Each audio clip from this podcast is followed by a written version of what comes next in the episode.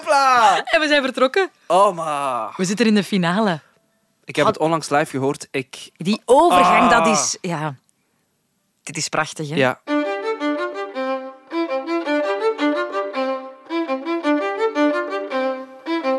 Wie we hier hebben, Clara de Dekker. Dag Sander de Keren. Hoe gaat het? Goed, en met jou? Ja, goed. Ehm, ik zit met vragen. Oezo, Eh, oké. Existentieel niet per se, maar wel eh, hier op tafel. Ik heb een beetje schrik, want ik zie een meetlat liggen. Ah, ja, die ligt hier ook met een reden. Wat ga jij doen? Eh, ik ga iets meten. Eh, Sander? Oké, spannend. Ja, ik ga nog niet vertellen wat Mhm. ik ga meten. Het gaat jou straks wel duidelijk worden.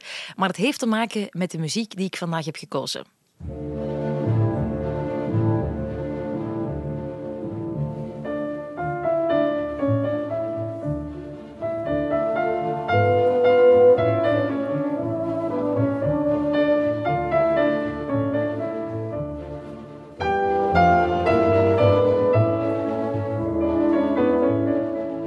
Ja, over dit werk wil ik het vandaag heel graag hebben. Het is een van mijn lievelingswerken, het derde pianoconcerto van Sergei Rachmaninoff. Of zoals ze ook zeggen, de Rach 3. De Drag 3 afgekort. Drag 3. Of, zoals ze zeggen, de Mount Everest van de pianoconcerto's. Zo wordt het ook wel eens genoemd. Ja. Want Sander, het is aards, aards moeilijk om te spelen. Ik spreek niet uit ervaring, maar dat is wel wat ik er vaak over hoor. Maar ik wil eerst weten, Clara, wie is Sergei Rachmaninoff? Het eh, pianoconcerto duurt eh, een kleine drie kwartier, maar van mij krijg je, zoals altijd, 30 seconden.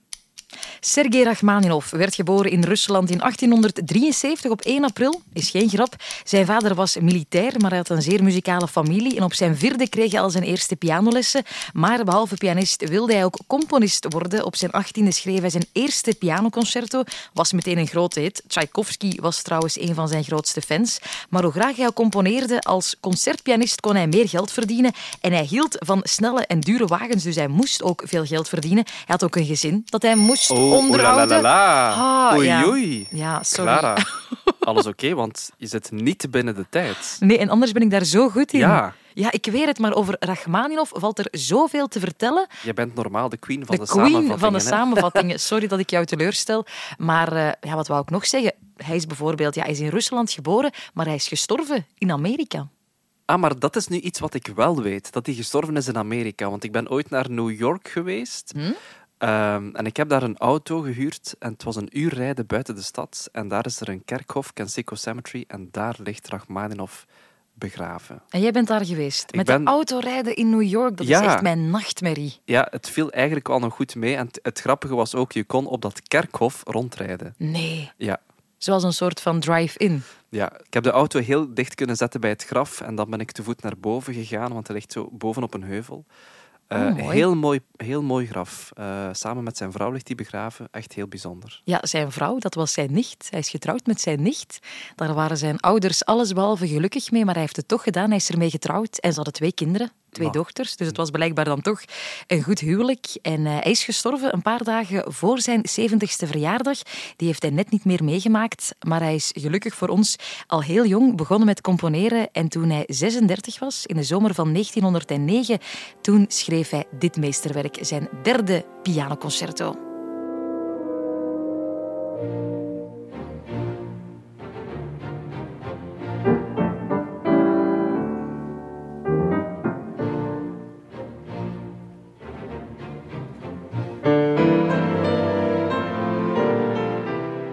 Oké, dus het derde pianoconcerto van Rachmaninoff. Clara, je kent deze podcast. Als Mhm. er moeilijke woorden vallen, zoals pianoconcerto, Dan hebben wij een alarm. en ik ga dat nu gebruiken.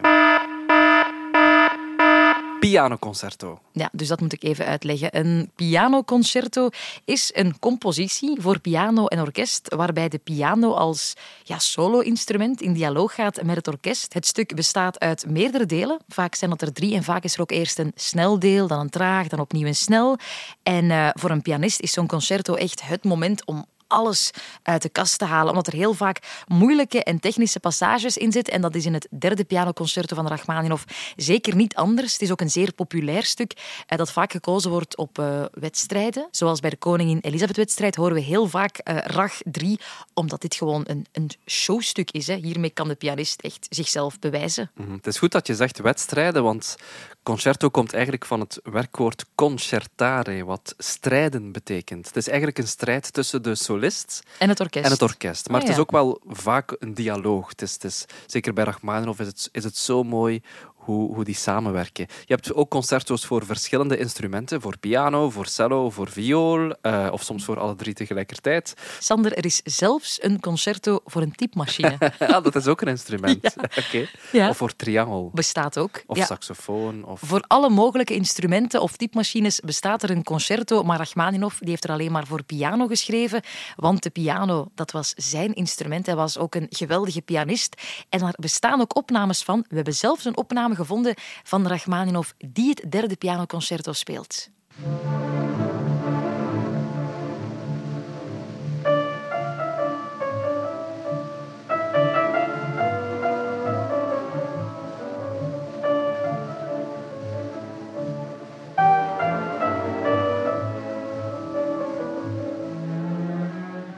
Dat is toch echt ongelooflijk. We hebben opnames, deze opname uit 1939, 1940, van Rachmaninoff die zijn eigen muziek speelt. Ja, dat is zo bijzonder. Ja, het is ook wel moeilijk, denk ik, want je hebt dan die vergelijking. Je kan je als pianist vergelijken met hoe Rachmaninoff het speelde. En ga je dat dan kopiëren of imiteren of doe je dan net iets anders? Ja, een vergiftigd geschenk, denk ik. Is maar het wel misschien, hè? Ja. interessant om, om te horen hoe Rachmaninoff zelf speelde. Want, ja, en hij was een geweldige pianist, hè? ja, Hij was super getalenteerd, maar Sander hij had ook wel een heel groot voordeel.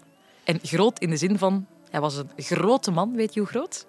Eh, ja het, wa- het kon een basketter zijn, denk ik. Dat kon hij zeker zijn. Hij was bijna twee meter. Amai. Ja, dat is echt gigantisch, hè? Met als gevolg dat hij ook heel grote handen had. Dat was misschien wel het grootste voordeel dat hij had als pianist. Als pianist, ja. ja, en vandaar Aha, de meetlat. oké. Want ik wil, voordat Dus- ik ga zeggen hoe groot de handen van Rachmaninoff waren, wil ik eerst eens jouw handen meten. Oké? Dit- We hebben een meetlat voor alle duidelijkheid van 40 centimeter. Ja. Dus en jij gaat jouw handen nu heel erg uitstrekken. Ja. Dus ik ga meten van de duim tot de pink. Dus zo, zo wijd Zo mogelijk. wijd mogelijk uitstrekken. En ik ga nu meten. Dus van het topje van mijn pink, die Ja, staat op eh, 0 niet vals centimeter. spelen, ja. Nee, Oké. 23. Amai, dat is 23. veel. Ja, is dat veel? Ja, meet jij eens bij mij? Ja, wacht hè. Dus Oké. pink op 0 centimeter. Strekken, Amai. strekken, Maar Oh, zo strekken. zou ik wel echt geen piano kunnen spelen. 19. Nee, 19 nee, ah, maar. ja. En jij 23. Amai. Maar oké, weet je hoe groot de handen van Rachmaninoff waren? Ik hoop meer dan 23.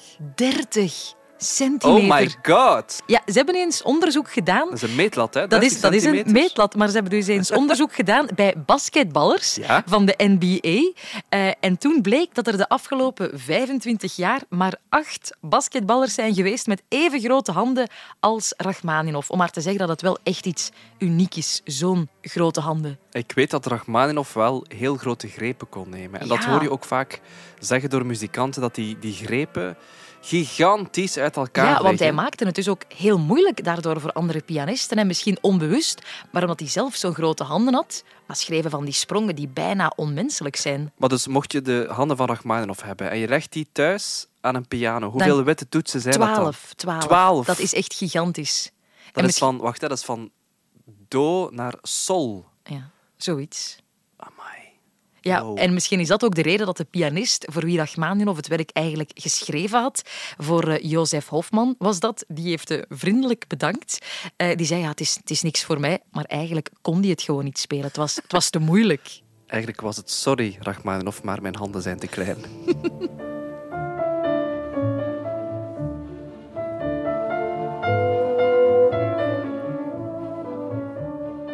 Ja, het begint bijna verraderlijk gemakkelijk. En toch vond Rachmaninoff zelf dit het moeilijkste van het hele concerto. Die eerste Huh? maten. Ja, die eerste twee bladzijden, die vond hij het moeilijkst. De melodie is, is gemakkelijk, hè? Het is re, fa, mi, re, do, re, mi, re. Ja, dat, dat zou ik zelfs bijna kunnen spelen. Misschien door de timing of zo. Dat, Ja. het, dat je meteen juist moet zitten met het orkest. Denk Ja, ik. en je moet ook meteen beginnen, hè? want dat is wel Ja, uniek. ja. Bij veel concerto's wordt er eerst door het orkest een soort van rode loper uitgerold. Dat je een introductie krijgt van het orkest en dan kan de solist zo na tien minuten eh, een mooie entree Entree maken. maken. Maar hier bij Rachmaninoff in dit werk moet de pianist er meteen op zitten. ja. Ja, dat is wel aangenaam, denk ik. Bij Chopin kan je soms vijf minuten wachten vooraleer de pianist de eerste noot speelt, maar hier beginnen ze eigenlijk samen. Aangenaam voor de solist, bedoel je? Ja, want anders moet je zo zitten wachten en heel die zaal die op je zit te kijken. Maar misschien omdat Rachmaninoff zelf pianist was, Ja. wist hij dat en dacht hij van, dat ga ik niet doen. Eh, bij mij mag de pianist meteen beginnen. Het is wel een mooie melodie. Hè? Het doet mij een beetje denken aan, aan Schubert, zo romantische pianomuziek van Schubert. Mhm. Of een eenvoudige volksmelodie zou het ook kunnen zijn uit Rusland. Ja, hij heeft het ook geschreven in Rusland in de zomer van 1909 in zijn buitenverblijf, want dat had hij gekregen van zijn schoonouders. Amai, rijke familie. Ja, ja, als huwelijksgeschenk had hij dat gekregen. En hij was daar nog even op vakantie voor hij als pianist op een grote concerttournee vertrok eh, door Amerika. Maar hij had daar eigenlijk helemaal geen zin in. Geen zin om naar Amerika te gaan om daar bekend te worden. Nee, totaal niet. Hij- Ik denk dat hij gewoon heel graag thuis was. Op zijn landgoed. Op zijn landgoed, hij zat daar goed. En de zetel. Hij zat goed op zijn landgoed.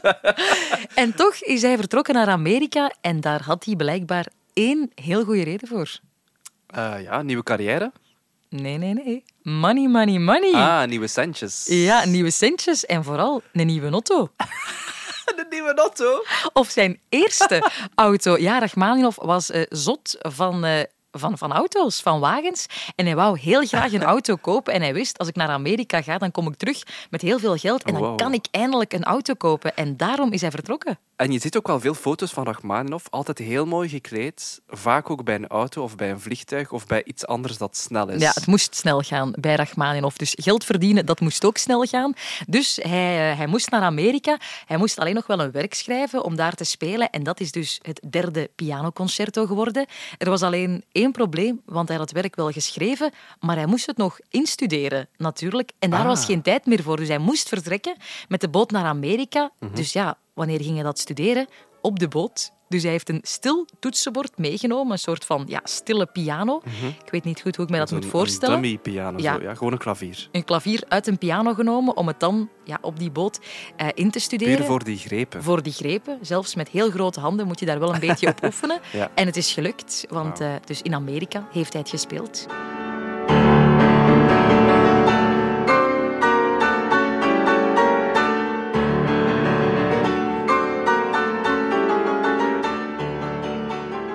Dit is het eerste deel, het einde van het eerste deel. En dat is wel belangrijk om even naar te luisteren, want daar zit een gigantische cadens in. Ja, ja, Sander, heel belangrijk. Een cadens, maar wat is het? Ja, een cadens betekent eigenlijk ehm, vallen, letterlijk. Dus eigenlijk muziek die valt, die afsluit, die zich neerlegt van bepaalde opeenvolging van akkoorden, waarin je het gevoel hebt dat de muziekstuk eindigt. Pam, pam, pam, dat is een cadens. Mhm.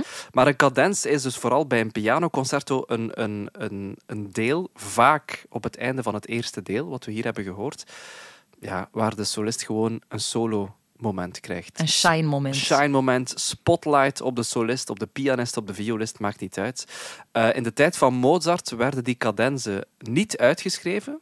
Dus Ja, mocht dat je- was een geboren improvisator ook, ja, Mozart. dus Mozart hoefde dat ook niet uit te schrijven voor zichzelf. Beethoven die dacht, ik ga toch wel die improvisatie of dat, dat virtuoze ga ik toch wel uitschrijven, zodat iedereen het speelt zoals ik het wil. Mhm. En eh, ook Rachmaninoff die heeft een cadens geschreven voor dit pianoconcerto. Twee. Oké. Een lichte en een zware. En mag je dan zelf kiezen welke cadens je speelt? Je mag zelf kiezen. Of je kan er zelf inschrijven. Dat kan ook. Ja, maar dan moet je toch wel durven om te zeggen... Ik ga inschrijven die nog beter is dan die twee die Rachmaninoff voorziet. Dan maar moet het je het kan. echt opnemen tegen, tegen een reus. Gelukkig krijgt de pianist daarna wel even een moment om op adem te komen, want daarna begint het tweede deel met gelukkig even iets minder noten voor de pianist.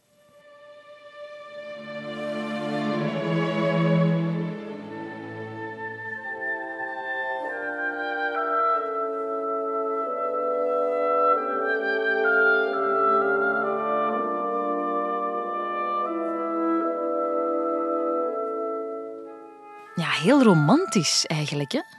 Om toch al in de 20e eeuw te zitten. Ja, de romantiek was voorbij. Ja, een nieuwe eeuw was eigenlijk ook een nieuw geluid.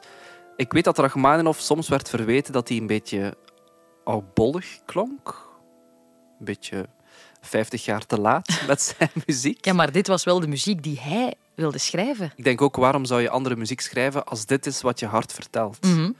Dus, ehm, maar, Mooi, Sander. Wat je hart vertelt. Ja, maar ik vind dat fantastisch. Ja, zijn eh, tijdgenoten die vonden dat niet zo fantastisch. Want Schoenberg Nee. en Stravinsky eh, bijvoorbeeld, dat waren niet zo'n fans eh, van Rachmaninoff. Maar hun muziek, ja, dat is echt gewoon een andere wereld. Hè? Ja, want we zitten in 1909, de derde pianoconcerto. Toen was zijn collega Arnold Schoenberg, een componist uit Wenen, met iets helemaal anders bezig.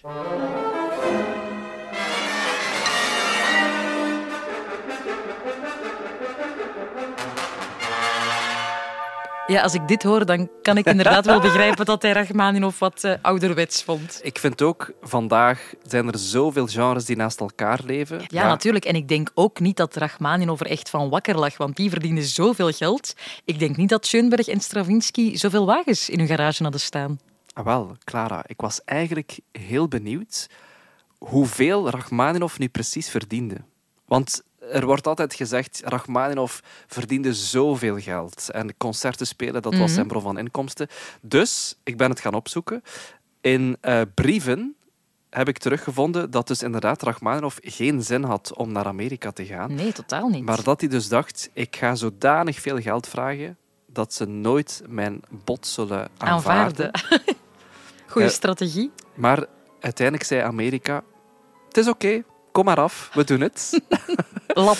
dus die wou liever op zijn landgoed blijven, natuurlijk in Rusland. Maar Rachmaninoff die vroeg blijkbaar 2000 Russische roebel per concert. En is dat veel?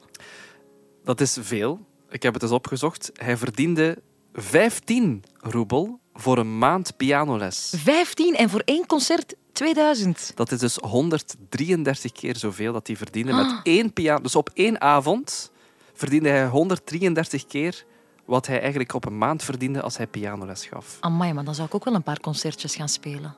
Ja, mai. En dat was dus 1000 dollar per concert. En hoeveel zou dat dan vandaag zijn?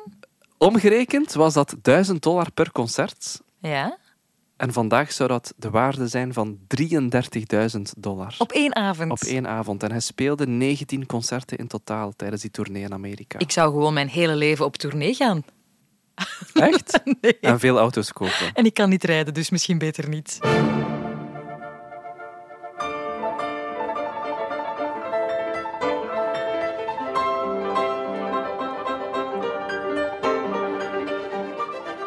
Zalige finale. En trouwens, het tweede deel gaat rechtstreeks over in het derde deel, in de finale. Ja, misschien moeten we daar even naar luisteren, want dat is zo'n toffe overgang. Dus op het einde van het tweede deel heb je dit. Dus als publiek word je weer wakker van oei, oei. Dit is nog het tweede deel. Oh my god. En nu? Nu, nu, nu. Oh. Ja. Japla! En we zijn vertrokken. Oma. We zitten in de finale. Oh, Ik heb het onlangs live gehoord. Ik, Die overgang, Ah. dat is... Ja, dit is prachtig, hè? ja, het gaat zo vloeiend in elkaar over. En toch vind ik het dan zo vreemd, want de première in eh, 1909 was dat in New York. Die was eigenlijk helemaal niet zo'n eh, groot succes. Ze vonden het wel goede muziek, dat wel. Ah, dan toch. Ja. Dan toch, maar ze vonden het niet eh, memorabel of, of groots, dat alles behalve. Twee maanden later, na de première, was er ook nog een andere uitvoering met Gustav Mahler als dirigent. Ook wel bijzonder, want dat is ook een componist Ja. eh, die dan het werk kwam dirigeren. Maar ook daarna hadden recensenten niet zoiets van: oké, dit is nu het stuk eh, van de eeuw. En eh, de Maar- Russische première, dat was dan een paar jaar later in Moskou. Toen zeiden ze van ja. Geen slecht stuk, maar het, het breekt geen potten, zeiden de recensenten. En over potten breken gesproken.